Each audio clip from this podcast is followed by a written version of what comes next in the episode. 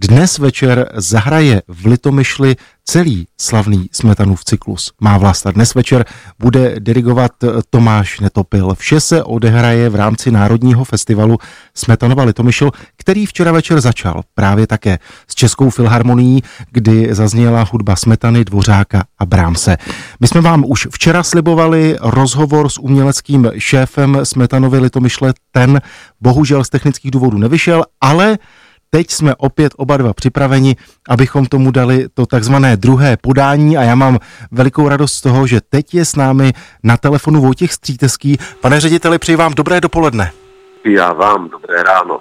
Jsem moc rád, že jste si na nás udělal čas. Včera tedy zahajovacím koncertem, který jsme mohli sledovat díky kamerám České televize, začal další ročník Smetanovy Litomyšle. Hrála Česká filharmonie v rámci toho zahajovacího koncertu. Mluvil jsem o tom, že dnes s Tomášem Netopilem zahraje opět, bude to Smetana, tedy cyklus Má vlast, tak předpokládám, a ta má první otázka je jasná, stále hraje Smetanova hudba Prim na Smetanově Litomyšli? Zcela určitě hraje a já doufám, že i v budoucnu hrát bude. Víte, my se k tomu odkazu hlásíme moc rádi, jsme na něj hrdí a každý ročník obsahuje řadu smetanových skladeb, přičemž se velmi snažíme, aby alespoň jedno z jeho jevištních děl bylo provedeno a v posledních letech, jak se blíží dvousté výročí narození Bedřicha Smetany, tak eh, se nám daří navazovat spolupráci s našimi operními soubory, aby u nás byly i premiéry těchto inscenací, takže například 10. července zde bude poprvé hubička, ale když jste zmínil koncerty České filharmonie včera a dnes, tak to je zase taková určitá paralela se začátkem našeho festivalu, kdy v červnu roku 1946 před 75 lety zde hostovala Česká filharmonie, stejně jako včera zazněla Smetanová slavnostní uvertura D-dur a druhý den, tedy i dnes, hrajeme mou vlast jako tenkrát. Vy jste zmínil Smetanovou hubičku. Mám pocit, že když se řekne Smetanova Litomyšl, tak stále v myslích mnoha posluchačů a fanoušků toho světa klasické hudby je spojena Smetanova Litomyšl se světem operním. Tak zmínili jsme hubičku, vím, že těch oper chystáte hned několik, tak opět podobná otázka. Předpokládám, že stále je nedílnou součástí Smetanovy Litomyšle operní svět. No samozřejmě, já bych řekl, že tvoří takovou osu, kolem níž se řídí všechen ostatní program. Mám velkou radost, že uvedeme v loni bohužel zrušenou Dvořákovou sálku. Ostatně letos si připomínáme Dvořákovo výročí. Hrajeme ve čtvrtek 8. a v pátek 9. července. Ale nezapomínáme ani na světovou klasiku. Tam bych zařadil třeba Pucciniho Bohemu, která je na programu zítra v sobotu. A úplně poprvé na festivalu uvedeme Žena Oněgina od Petra Iliče Čajkovského.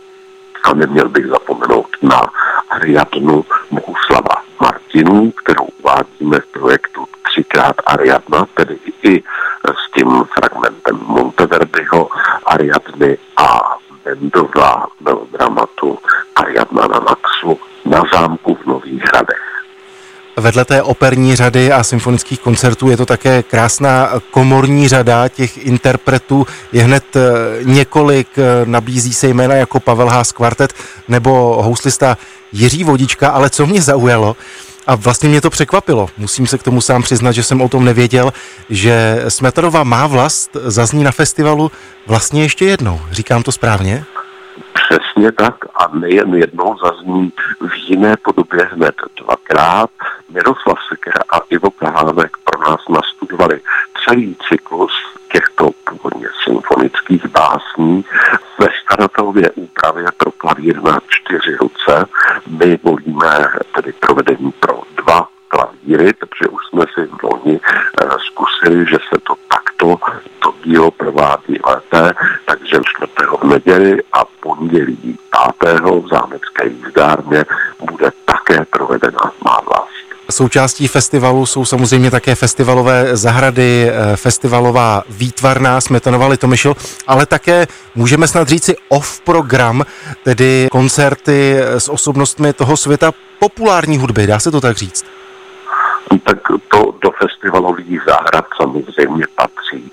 Tam je takové eh, centrum oáza pohody, eh, klidu, a, ale zdaleka tam nejsou jenom populární kapely, tam eh, samozřejmě hraje i celá řada nadějných, talentovaných muzikantů z konzervatoří, akademií, no ale to víte, jestliže zavítá kapela Jelen nebo Aneta Langerová do zahrad, tak to se dají čekat tisícové návštěvy.